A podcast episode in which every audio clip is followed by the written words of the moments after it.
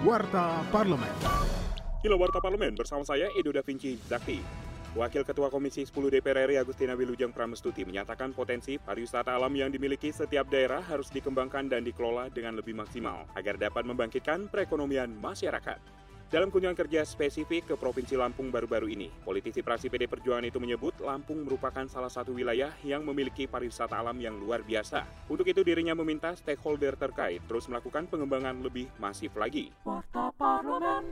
Dalam rapat dengar pendapat umum dengan tokoh adat terkait RUU larangan minuman beralkohol atau minol, Anggota Badan Legislasi atau Balik DPR RI, SY Anas Tahir, meminta pembahasan RU larangan minol harus lebih akurat agar tidak membuat kegaduhan di masyarakat. Kalau untuk kepentingan-kepentingan tradisi, kepentingan adat istiadat, kepentingan pariwisata, kepentingan seremoni, saya kira ini sangat bisa dipahami dan harus diakomodasi. Tapi juga dalam perspektif sebaliknya juga sama-sama harus diakomodasi. Sehingga kita harus cari jalan tengah yang baik agar masing-masing kepentingan tidak saling mengabaikan.